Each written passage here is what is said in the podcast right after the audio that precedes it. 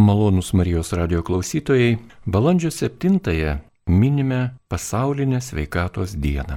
Ir šią progą pakvietėme Agnę Žemaitytę papasakoti šį beitą apie tai, kaip reikėtų suprasti, priimti šį minėjimą. Prie mikrofono taip pat ir Liutauras Serapinas ir aš sveikinuosi su gerbiama Agne Žemaitytė. Garbė Jėzui Kristui. Sveiki visi. Taigi minime pasaulinę sveikatos dieną. Mums tikintiems žmonėms rūpi ne tik kūno, bet ir dvasių sveikata. Ką galėtume pasakyti apie žmonių dvasinę sveikatą ir savo asmeninę? Tai visų pirma, labai džiugiuosi, kad kalbam tokią temą, Nes apie fizinę sveikatą, kaip tai jau, kaip yra įprasta kalbėti, tai netgi yra šiek tiek visiems galbūt ir pabodę, ir visi žinom receptus, ir žinome, ką daryti, kartais nepavyksta, kartais geriau pavyksta. O štai dvasinė sveikata visą laiką balansuojant tokio šiek tiek šešėlio ir apie ją kalbėti žinoma, kaip čia pasakyti, galbūt nesinori iš kažkokio piedestalo, tarsi aš žinočiau, kažkas nežinotų ir dalintis taip. Aš tiesiog šiandien esu galbūt, kad kelti klausimus, kuriuos ir pati nešiojas, ir kuriuos sutinku savo sielo vadinėme darbe. Ir tuos klausimus pabandyti tiesiog pa, pasidėlioti su klausytojais, bet tikrai pirma mano tokia žinutė, kad aš galbūt neapsijimsiu tokio žinotojo pusės, bet gal vaikščiotojo tuose laukose, sakykim taip, ir galiu pasidalinti tuo, ką tiesiog ten pastebiu. Tai visų pirma, ta dvasinė sveikata yra keblu tai, kad žmonės kartais nesugeba savy kažkaip apčiopti, kas yra visų pirma ta dvasinė sveikata many. Jie jaučia skausmą, čia kalbu ne apie fizinį, apie dvasinį, bet neidentifikuoja, kuris yra, kodėl jis yra, kodėl galiu pasakyti, kad nesijaučiu gerai ar ne. Ir galvoju, kad man šiandien vertėtų pradėti ir labai tinka kalbėti galbūt apie tą dvasinę sveikatą, šiek tiek siejant, sakykime, su Ukrainos tema. Galiu tai pasakyti, kaip mes jaučiam, kad yra vyksta neteisybė didelė, ar ne? Tai nejaučiam kažkaip fiziškai per inkstus ar per savo sinusus, protas mūsų atmeta šitą žinią, bet būtent jaučiame dvasia, kad vyksta neteisybė. Dvasinė mūsų ta jėga, kuri yra viduje, ji, ji iš tiesų yra tokia lakmuso atliekanti funkcija ir mes jaučiam, kur yra negerai, kas yra negerai, kad skauda, kad maudžia. Tai vad kalbėti apie dvasinę sveikatą pirmiausia reikėtų nuo to atsispirti nuo to, kad dvasia yra šerdis, tai yra mūsų šerdis. Ir kai mes kalbam apie dvasinę sveikatą, mums reikėtų galvoti apie tai, ar mano šerdis yra sveika. Tai galbūt tai yra sunku daryti, kada nu, neturime ilgametės tradicijos galvoti ir kalbėti apie dvasinę sveikatą. Neturim galbūt per daug ir teorijos, ar ne, arba ten, sakykime, žmonių, kurie labai aiškiai šitą dalyką išmanytų, bet visi tikrai turim savy tą pojūtį, kada vyksta neteisybė ir kada skauda, tai galim kažkaip galvoti apie tai, kad mums reikia suvokti teisingai dvasę, kas, kas ji yra ir kad ji nukenčia tada, kada ji būna nepripažinta mumise, tiesiog, kad čia gal man biški sentimentai arba, nu, čia man nuotaika. Tai vad nepripažinti savo šerdės ir savo dvasios, o kitas dalykas, ją nedekvačiai, sakykime, kaip sakau, suvokti, kad, nu, čia mano melancholija arba čia mano kartais netgi dabar galbūt nejautru yra pasakyti, kad netgi ir depresija kartais truputėlį pridengiam savo dvasinę nesveikatą. Nors žinom, kad tai yra nu, psichinės ar ne, psichės, reiškia, sutrikimas, bet, nu, vat, reikia, reikia ją suvokti, savį apčiuopti ir tada galvoti apie ją. Jau paminėjote tam tikras skirtybės, o su kokiamis problemomis susiduria žmonės, kai nukenčia jų dvasinė sveikata. Ne vien tik dvasinėmi problemomis turbūt apsiribojama šitoje kovoje gyvenimo, taip? Tai ko gero aš ir galvoju, kad greičiausiai pirmiausia atsiranda klaidingi atskaitos taškai, kai arba ignoruojam visiškai savo, nu, va, dvasinį gyvenimą ir tada tarsi, va, sakau, toks atsiranda nu, savęs nesuvokimas kaip tokio, kaip uh, žmogus netenka tam tikros savo dalies, bet į tai, į tai nekreipia dėmesio, funkcionuoja, bet nemato, kad čia kaip jeigu tau sausa, tai tu gerk, ar ne? Ir, ir vat, nebematai, kad tavys sausa, nebematai, kad tu nebeturi labai daugelio dalykų dėkingumo, žvilgsnio į kitą, žvilgsnio į save, adekvataus, nebeturi tokio horizontalaus matymo, kas yra žemė ir kas yra dangus, nebe, nebeatskiri, kur yra tamsa, kur yra šviesa, nu tokie, atsiranda tokie neutralūs, kažkokie nusitrina ribos. Gal aš kalbu abstrakčiai, bet todėl, kad labai nenoriu skirstyti, sakykime, tų dvasinių ar ne, tokių negalavimų į kažkokias tai diagnozes, nes vis dėlto dvasiniai dalykai yra labai subtilus ir, ir kiekvienas niuansas gali labai pakoreguoti šitą a, tokią diagnozę. Galbūt žmo, reikia išgirsti visų pirma žmogų, sakykime, dvasia, e, dvasinė sveikata yra gebėjimas nepaleisti esmės iš rankų. Kai tu jau matai, kad žmogus gyvena kažkaip vienas etapas, kai paleidžia, antras etapas, kai nebeatsimena, kad turėjo kažkada tą esmę savo rankose, tai esmę apie save, esmę apie pasaulį, esmę apie kitą žmogų. Jis tiesiog nebeatsimena, jis gyvena inertiškai, jis gyvena nesamoningai, jis gyvena pasirinkimuose, kurių negali pagrysti. Tiesiog atsiranda toks gal bukumas, nu, nebe, nebe tarsi nebeturi sąlyčio su aplinka, viską, viską tau tarsi diktuoja kažkokios aplinkybės ir tu esi kaip toks gabalėlis, šapelis, kuris plauki, nors kartais dar net ir įsivaizduoja, kad esi labai galingas tuo pačiu. Tai prasme, tai yra, nu, sakyčiau, nedekvatus požiūris, bet labai nenoriu nuvat skirstyti kaip. Bet šiaip tai yra sausra, jeigu taip tokiu, žodžiu, vienu reikėtų apibūdinti. Iškilus kokioms dvasinėms sausroms, apie kurias jūs jau minite, krizėms, kaip liaudėje yra įprasta vartoti šį terminą, sakoma, daugiau reikia melstis, Tačiau kartais tą sunku yra padaryti dėl pačios priežasties problemos. Mhm. Kokia pagalba tada gali būti pokalbis su sielovadininku, su draugu, su mama, tėveliu, su kunigu, kas galėtų padėti susigaudyti šioje situacijoje. Taip, kaip ir minėjau, man pirmiausia atėjo galvant apie sausrą, kad gerai, yra sausra. Pirmas dalykas, ko man reikia - gerti. Kas man yra tas resursas? Kas man? Ir tai yra labai skirtingi dalykai. Vienam žmogui tai tikrai yra labai reikalingi dvasiniai pokalbiai. Nu, va, dvasiniai tai turiu omeny, tai gali būti nebūtinai e, dvasinio luomo žmogus, kuris tavęs klausosi, bet pokalbiai apie dvasę, ne apie, ne apie kitus dalykus. Tai dvasiniai pokalbiai be apie kitiems žmonėms galbūt tai yra, nežinau, šokis Galbūt kadaise jis tikrai atsimena, kad vat, būtent šokis jam suteikdavo gyvybę, gražindavo jėgas, gražindavo savęs pojūtį, ar ne? Tada šok, tada ieškok vietos ir šok. Jeigu tau tai yra išminties ieškojimas, ieškok išminties, bet pirmiausia galbūt ne kitose, gal pirmiausia savyje, kad pamatytum, kur nukrypai, ar ne, kur man trūksta tos išminties. Ir tada rinkis tą dialogą, kuo tu betikėtum, galbūt tai yra dvasininkas, galbūt tai yra kunigas arba bičiulis arba senai koks nors senai atsimintas mokytojas, kuris žinai, kad tau tikrai kelis kartus nurodė kažkokią teisingą kryptį. Bet pirmiausia, pažiūrėk į save, ko tau reikia toj dikumoje. Čia tas toks, kad nepultum vėlgi desperatiškai kabintis už bet ko, kas patenka tavo aplinkoje ir ta, toks būna susirankio iš gabalėlių kažkokią mozaiką, kuri paskui vėl išslysta iš rankų, nes jinai nuo pamatų nemaitina. Tai vad labai reikia galvoti apie savo tos resursus, kurie, kurie gali būti ta dregme tai sausrai. Bet jie vėlgi kiekvienam labai individualūs. Aš tik stengiuosi sakyti skirtingus pavyzdžius tam, kad kažkaip mes suvoktumėm, kad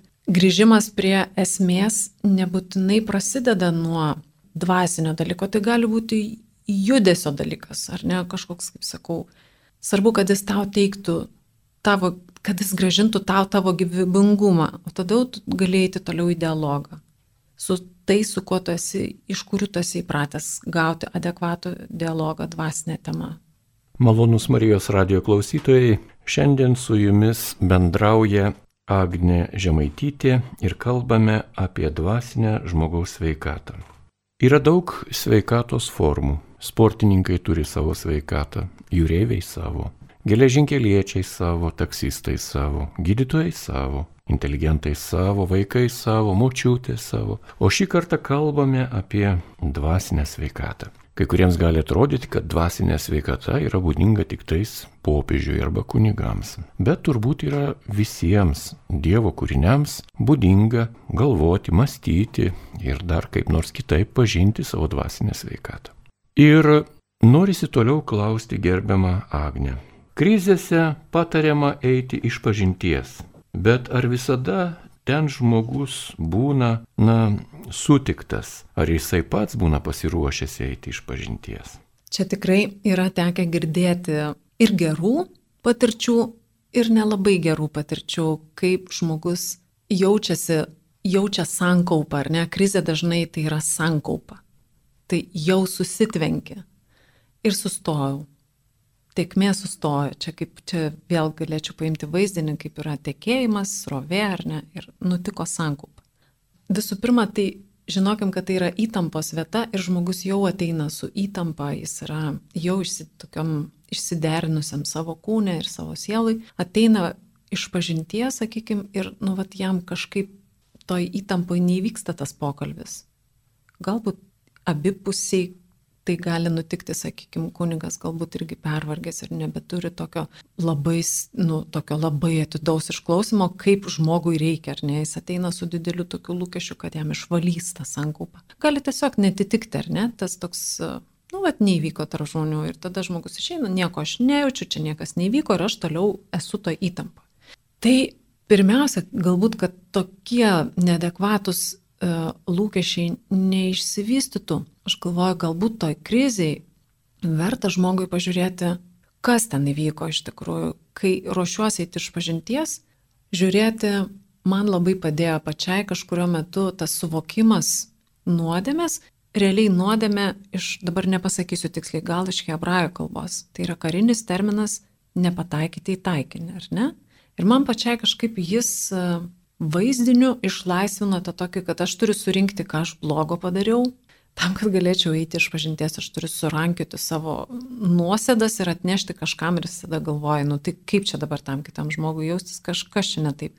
Kai aš pakeičiau tą žvilgsnį, tą fokusą, kad tai nėra mano kažkokias, tai mano kažkokie purvai nuosėdos, bet žiūrėti, kur aš prašoviau, nepataikiau taikinį ir aš tada susirenku tuos savo tokius šūvius, tai yra mano netaiklumas, tai yra mano prieš save pirmiausia, mm, nepataikiau, vat, ne taip, ne ten taikiau, nenusitaikiau, nesusikoncentravau, netlikau kažkokių tai tokių taiklių dalykų, ar ne. Tai man tada lengviau kažkaip susivokti, kad nepataikom visi ir tai nėra susiję su kažkokiu tokiu tiesioginiu nu, purvu ar nu, tokiu išsitepimu. Taip, aš tikrai dariau, bet man nepavyko. Tai aš susikaupiu tų prašovimų, tokią persižiūriu juos, vėlgi kažkaip tai galbūt verta įvesti tą tokį blaivų žvilgsnį.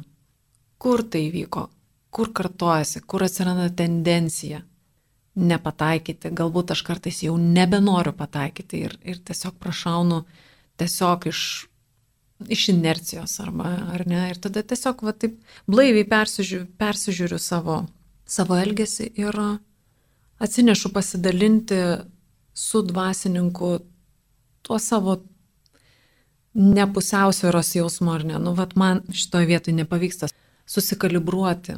Ir aš tiesiog kalbuosi, aš einu vėlgi, einu į dialogą, neteinu kaip toks nešvarumų pilnas žmogus, kas labai dažnai žmogų tiesiog toj kriziai dar labiau uždaro, bet ateinu kaip pasikonsultuoti, nu, atnešti, atsiprašyti, kad aš kartais nebenoriu to savo taiklumo. Ir atsiprašyti pirmiausia ir, ir prieš save, kad, kad leidžiu savo gyventi toj tokioj, nu, nebalanse, žiūrėdama į, į tą savo kurėją, kurio tikiu, vis dėlto leidžiu savo dvigubas linijas, leidžiu savo kažkokias tai dvigubas ribas, kaip sakant, dvigubus dugnus ar ne. Nu ir vat susikalbiruoju, atnešu ir sakau, va čia, Čia mano ta vieta. Ir tas pasiruošimas tuomet įvyksta, kada, nu, kažkaip sąžiningai tą atlieku, norėdamas toliau kokybiškiau būti. Ne tai, kad buvau blogas ir kaip čia dabar mane ištaisyti per tą vieną išvažinti, bet noriu kitaip būti, noriu šiek tiek būti kokybiškiau. santykėje tiek vertikaliam su kitais, tiek horizontaliam su Dievu. Ir užtenka kartais tokios intencijos pakeitimo ir jau pavyksta geriau. Gal tiek būtų. Malonus Marijos radio klausytojai, šiandien kalbame apie dvasinę žmogaus sveikatą. Ir apie ją mums pasakoja Agne Žemaitytė.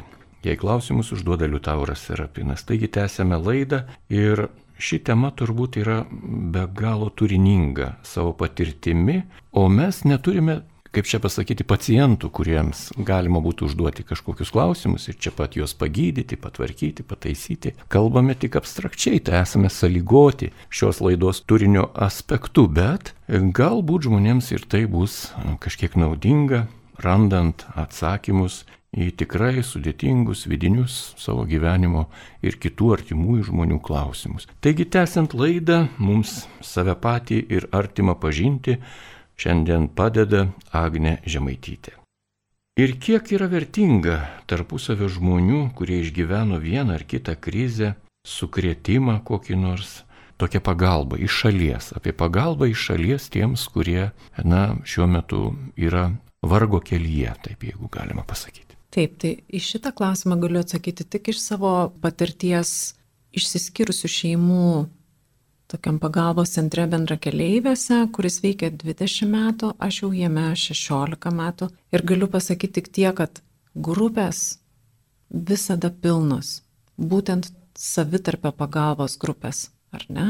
Žmonės laukia patekimo į grupę kartais pusmetį, kartais važiuoja į grupę iš kito šalies miesto, kad galėtų būti kartu su to, nu kaip čia jos pavadinti, ne tai, kad bendraminčiai, bet bendrapatirčiai, kai tu patiri krizę savo gyvenime, niekas kitas tavęs negali geriau tuo metu jausti, negu tie, kurie tuo metu keliauja per tą pačią, ar ne, dykumą.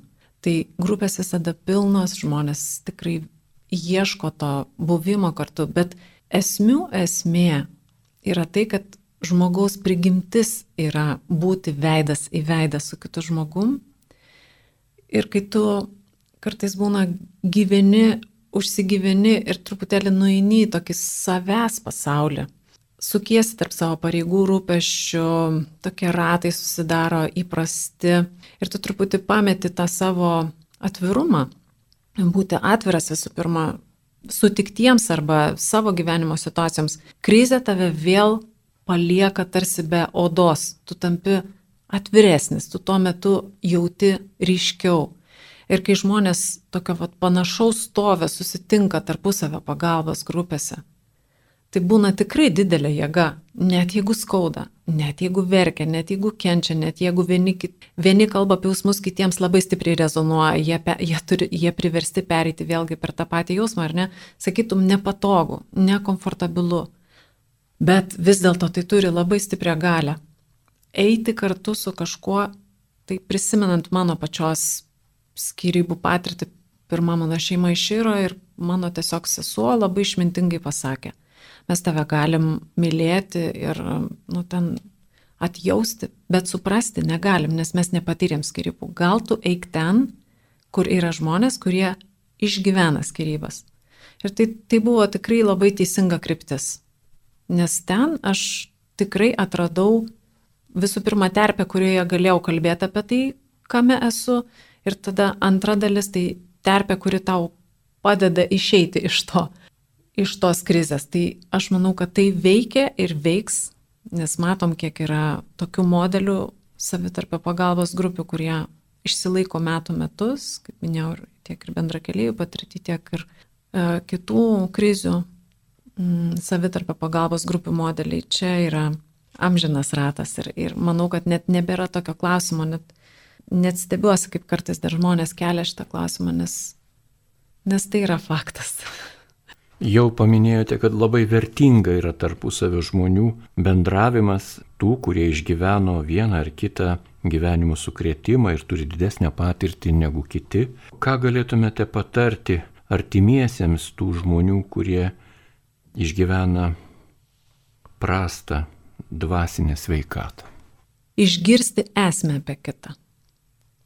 Ne savo poziciją, kaip norėčiau, kad jam būtų.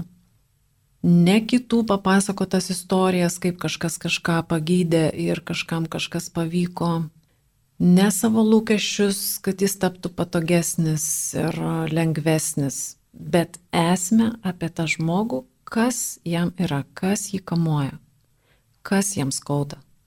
Tiesiog žiūrėti, jeigu galima tai pasakyti, nu, bent jeigu įmanoma, bent pirmą žvilgsnį nukreipti be savo turinio.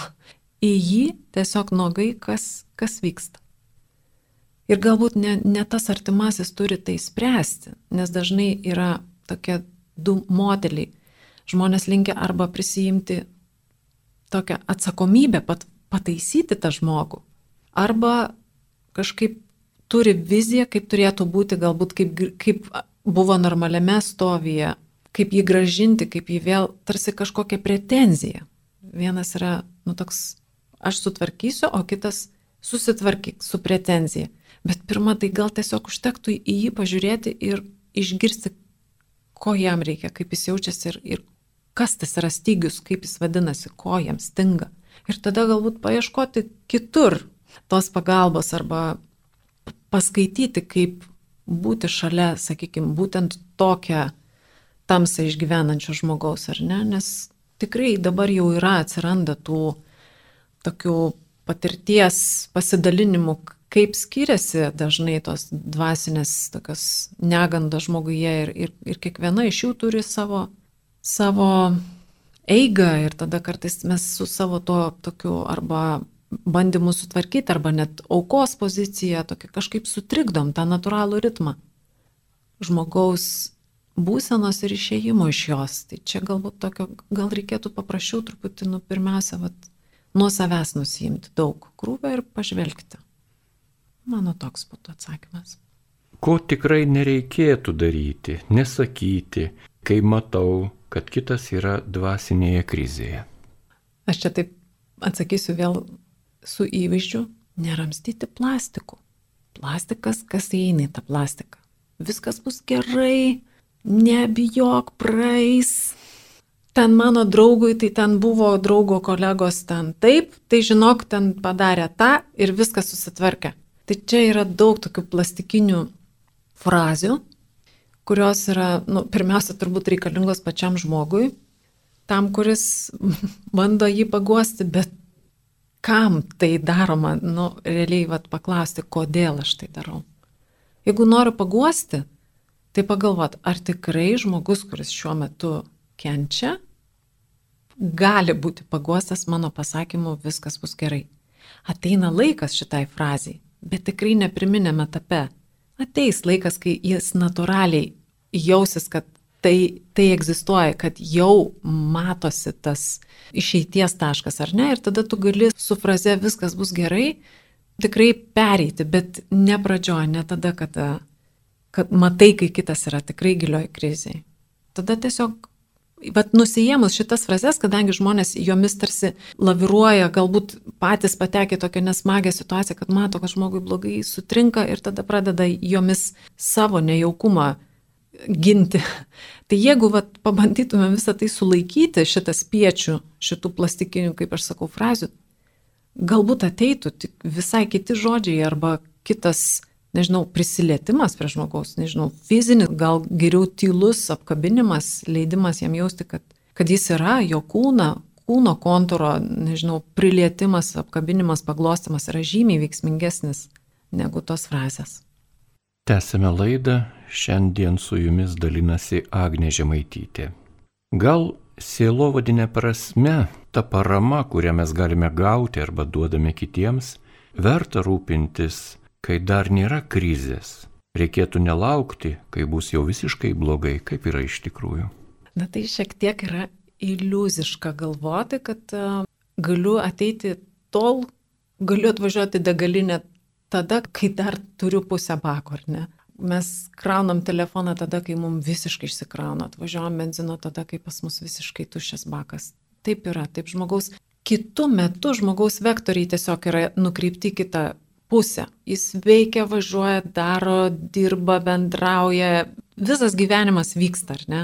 Tuo metu jis susikoncentravęs į tokį veiksmą ir jam galvoti, kad o gal reikėtų pasirūpinti prevenciškai kažkaip tai va tokia dvasinės veikatos kažkokia tai prevencinė programa, tikrai mažai kada tai pasitaiko, sakykime. Bet galbūt tai yra labai natūralu, kai tie vektoriai atsisuka nori, nenori į save, tu sudušti, tau atsitinka krizė, tau netenki kažko arba blogiausia atveju ir, ir ir e, tave patį apgubė ir tarsi pojūtis, kad savęs jau nebetenki, tai jau tada visi vektoriai nukreipti į patį. Ir tada jau aišku, kad aš ateisiu ieškoti. Čia irgi dar ačiū, kad ačiū tiem žmonėm, kurie eina. Tai nežinau, galbūt yra šio laikinis žmogus šiek tiek labiau apie tai galvoja ir ieško tos pusiausvyros, bando susidėlioti tam tikrus taškus, kurie nuolat būtų, nu, kaip, kaip vadinama, tokia hygiena ar ne, persižiūri, kažkaip stiguoja save, veda į tokį balansą. Tikrai yra tokių žmonių, bet jie jau, man atrodo, taip pat būna dažniausiai įgauna tą samoningumą po kažkokio tai stipresnio sukretimo, kai jie žino, kad jie nebegali sau leisti nekreipti dėmesio į savo signalus. Bet iki tol žmonės tiesiog, kaip sakau, kitur nukreipia vektorius ir tai yra normalu. Kaip kūno sveikatą palaiko sveika mytyba, sveikas gyvenimo būdas, poilsis, geri įpročiai, draugija, šeima ir panašiai. O kas palaiko dvasinę žmogaus sveikatą? Bet žinokit, labai, aš atsakyčiau, kad labai panašus dalykai. Pirmiausia, žmogus turi ir klausti savęs, kas man yra sakralu, kas man yra šventa, kas liečia, jaučiu, kad liečia patį giliausią mano sluoksnį. Kartais net negali paaiškinti, kodėl. Kiekvienam tai rezonuoja skirtingi dalykai, galbūt, nežinau, giesmės, Vat girdžiu, nesu katalikas ar ne, nesu, nesu tikintis, bet girdžiu kokį nors grigališką choralą ir man viskas viduje vibruoja.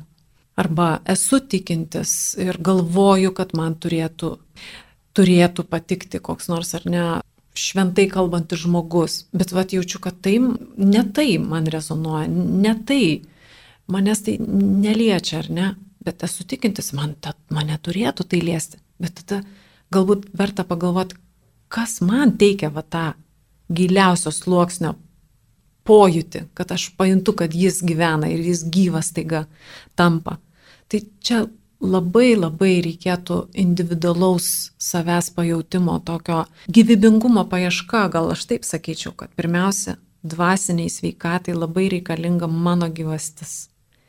Tam, kad jinai nubustų, tam, kad jinai veiktų, tam, kad jinai man teiktų pojūtį, kad aš esu kūrinys su dvasinė tokia jėga, su dvasinė gale, su šerdim, aš turiu stebėti, kas mani jį uždega, tą mano sidabro siūlą, ar ne, tą mano gyja, kuria yra gyvybė.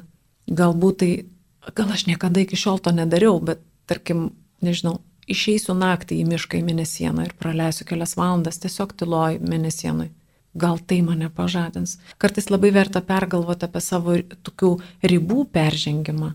Tokių ribų nekalbu apie raudonas linijas, kurias mes kiekvienas turim ir žinom, kurių neturim peržengti, bet ribas tai turime nei įpročio, nusistovėjimo. Jos kartais truputėlį užtvenkia gyvybę ir tam, kad tu išeitum ir vėl pajustum tą savo dvasę, kartais reikalingos tos ribų prastumdymai, išėjimai iš savo įprastinių būsenų. Tai tas gyvybingumas, jisai kažkokia tik, jis atneša tikrumą, tai yra žingsnis į tikrumą, kai aš vat jaučiu, kad nu tikrai gyvenu, viskas yra tikra, tikras yra kuriejas, tikrai yra kūriniai, visur vat, tas, ta tikra dermė ir harmonija tarpusavę, ar ne? Ir tas žingsnis toliau priveda prie, o kurioje vietoje aš čia truputį savo meluoju, kurioje vietoje aš čia truputį užsiniveliuoju, kas jau mani nebegyva, bet aš vis dar kažkaip naudoju jį, kaip tarsi tai būtų kas man jau pasikeitė, nes žmogus yra tekmė, jis nėra statinis toksai elementas, ar ne? Man jau pasikeitė, gal man rezonuoja kažkokie kiti dalykai, bet aš dar vis įsipatoginę savo senose suvokimuose ir visiškai nenoriu niekur judėti. Ir tada truputį jaučiu, kad, nu, at nebetenku tos gyvybės, ar ne, jos manį kažkaip nebėra autentika. Kur, kur man yra autentiškas santykis su Dievu, kur aš galiu su juo iš tiesų jaustis dviese. Nerandu, neturiu, gerai, nešiojas tą klausimą, nešiojas į gyvą kaip nervą, tokį atvirą nervą, kur aš jaučiuosi dviese su Dievu. Dviese tai turiu menį ne tai, kad nu, man nereikia ten viso kito, ar ne, nei bažnyčios, nei tradicijos, bet turiu menį, kad dviese tai, kad aš pajėgiu jausti dvigubą žvilgsnį tiek savo jį, tiek jo į mane. Tai va šitų dalykų reikia visada ieškoti ir jie, jie yra tiesiog būtini dvasiniai gyvybei. O kaip kitų žmonių tikėjimas, viltis, gyvenimo patirtis, dėmesingumas gali padėti persiimti panašiomis savybėmis? Dabar labai madinga dalintis savo patirtimis ir taip tikėtis kitus žmonės paveikti, bet aš kažkaip žiūriu truputėlį blaivai, kad negali tai paveikti, jeigu manęs tai nepaliečia asmeniškai. Jeigu aš visas šitas savybės, kuris išvardinot, atsisuku į kitą, visas jas turiu, atsisuku ir kitą žmogų tiesiog išmaudau juose. Vat atsitinka situacija, kada aš esu visiškai dėmesinga, suteikiu viltį, ar ne, suteikiu viltį, būnu su to žmogum pilnai išmaudau. Jis tada pajunta, sušlampa nuo to, atsisuka ir galvoja, kas tai buvo. Aš tikrai jaučiausi pamatytas, sutiktas. Aš tikrai jaučiau, kad viltis tai nėra žodis, tai yra veiksmas. Vat jis patiria. Kai patiria viskas, jis to niekada šitos patirties nepamirš ir tada jis ieškos kaip ją arba išgyventi vėl, arba kaip, kaip, su, kaip jie disponuoti ir su kitais žmonėmis, kad ir kitus tai paliestų. Bet kol nepaliečia, nežinau, man tai taip atrodo. O kodėl dažnai yra sakoma, kad dvasinė sveikata palaiko prasmė ir jo supratimas, dėkingumo atradimas? Ką manote? Tada, kad iš tiesų tai yra pamatiniai, tai yra pamatų plytos Dėkingumas gal pirmiausia, sakyčiau, todėl kad jis ištraukia rakštis iš žmogaus sielos. Kas tos rakštis? Rakštis yra pretenzijos, rakštis yra nepasitenkinimai, rakštis yra tas toks pastovus nesutumas, rakštis yra matymas per lūkesčio akinius. Daug tų tokių, kurie mus pačius apvelia ir nebeleidžia kažkaip jaustis, nu, vat, vientisų, gal taip pasakyčiau. Ir dėkingumas realiai ištraukia visas šitas rakštis. Bet jį reikia fiziškai praktikuoti, jis turi būti išgyvenamas. Tai tiek prasme, tiek, tiek dėkingumas, prasme apskritai tai yra krantai mūsų tokiam egzistenciniam, nu, mes visi tokiam būvyje egzistenciniam. Prasme yra krantai, vat, surandam prasme ir mums viskas pasidaro, aišku, mes jaučiamės delnuose, kurie, vat, prasme yra kryptis, yra krantas yra ribos, yra delnai. Tai tiesa, sutinku, kad, kad reikalingi šie dalykai. Ir laidos pabaigai gal galėtumėte apibendrinti šią trumpą laidą apie tokius svarbius žmogui savijautos ir aplinkos pajutimo dėsnius, kurių yra tokia daugybė ir su amžiumi jų vis atrandame daugiau ir daugiau kodėl dvasinė sveikata yra svarbi ir kaip ją galima atitaisyti arba pataisyti. Gal apibendrinimui dar labai norėčiau pasakyti, kad labai svarbu yra mūsų pasirinkimai. Ir net kartais būna aplinkybių, kada tu turi visas sąlygas būti nelaimingas, būti dvasiškai sugniužęs, tu turi nepalankumą, ar ne, iš visų pusių, čia žinom tikrai labai daug pavyzdžių įvairių ir istorinių, ir, ir, ir, ir, ir net ir dabar, ar ne, vykstančio karo kontekste, bet jeigu tu pasirinksi laikyseną, pasirinksi samoningai, pasirinksi laikyseną, kurioje išliksi tiesoj su savim, tiesoj su kurėju, tiesoj su savo vertybėm, su tuo pačiu dėkingumu, kurį aptariam, ar ne, laikysenoje tai atsispindės ir tai veiks visą aplinką, kurioje esi. Ir tu pats, kurdamasis savo per tą laikyseną savo dvasinės sveikatos, tą nu, stiprinsi aš, bet taip pat padėsi ir kitiems ją palaikyti, nes tai veikia. Vienas žmogus veikia kitą, kaip jau sakiau, tuo metu, kada mes sąveikaujam atsitinka aplinkybės, kai būnam veidas į veidą, būnam santykyje, taip paveikiam kitus ir tie pasirinkimai, kaip sakant, dailiai išpuoselėtas veidas kartais ten tikrai slepia kokį tai pykčio arba, nežinau, pagėžos ar pavydo nusistatymą, o ten kokios nors purvinos rankos galbūt tyra širdį. Tai prasme, kad nesvarbu, kokios yra aplinkybės, svarbu tai, kaip mes juose laikomės ir, ir kad tas išorinis purvas mūsų negali realiai supurvinti.